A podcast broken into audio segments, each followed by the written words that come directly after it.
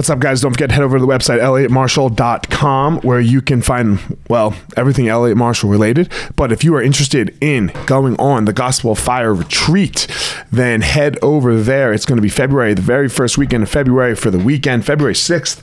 Um, so head over there. A lot of jiu jitsu, a lot of mindset work, a little adventure, a little fun, a little learning, little little mental fortitude that we are going to build. So elliottmarshall.com, you can get that. I have my hoodies on sale also. So we have Gospel of Fire hoodies.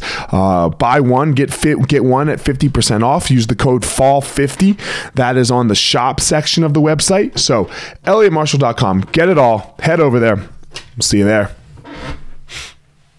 What up, guys? So uh, last week, last week we talked about you know uh, what do you want January uh, January 1st, 2023 to look like? And so the question is, okay, so you have that. Now, now what do you do? You know, and we talked about narrowing things down into quarters.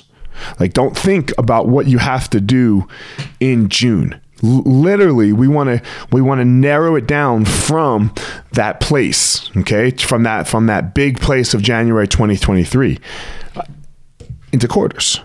Like we talked about, how where do you narrow down from there?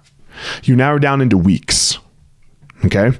So, what I would love all of you to do, again, here, is start doing this thing. And we, I did a podcast about it. Um, I can't remember his name, but what are the six big things that you have to accomplish this week so that you accomplish your quarterly goal?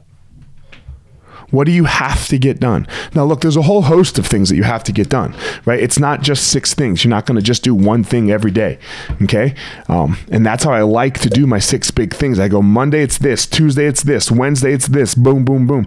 And I give myself off Sunday. That's the Lord's Day for some. Um, I call it, you know, family day, whatever you want to call it. So, I give myself one day off a week, and that's why I have my six big things. So, what are your six big things that have to happen each day, one per day? One per day. And then you have to make them happen. On the first day of every week, on Monday, you got to review. Okay? On Monday, okay, how many of my six big things did I accomplish? And you have to put it on your task of your calendar and just check them off. Boom, boom, boom. Knock them out, knock them out, knock them out. And you just keep doing that every week, every week and that gets you to your goals for the quarter. That gets you going. That gets you out of the mud. Not like, okay, what do I? What, what am I going to do today? You make a plan and you put your plan into action. Are you going to have to adjust? Of course, you're going to have to adjust. You always have to fucking adjust. You always have to adjust because if you don't adjust, then you're not you're not really looking at success and and and and and you're not looking at results. You're just stuck in oh, uh, I said I was going to do it. No, you, you have to adjust. You have to make moves. You have to switch things up. You have to be more skillful. But first, you have to set a plan so that you can judge your skillful, not judge your skillful, so you can measure your skillful. Six big things, everyone. What are you going to accomplish accomplish each week?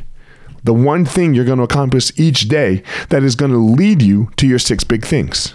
That's going to lead you to your quarterly goals. That's going to lead you to January 1st of 2023. What are you going to do? How are you going to make it skillful? How are you going to get there? Six big things. Discover your passion, find your power, go give your purpose to the world.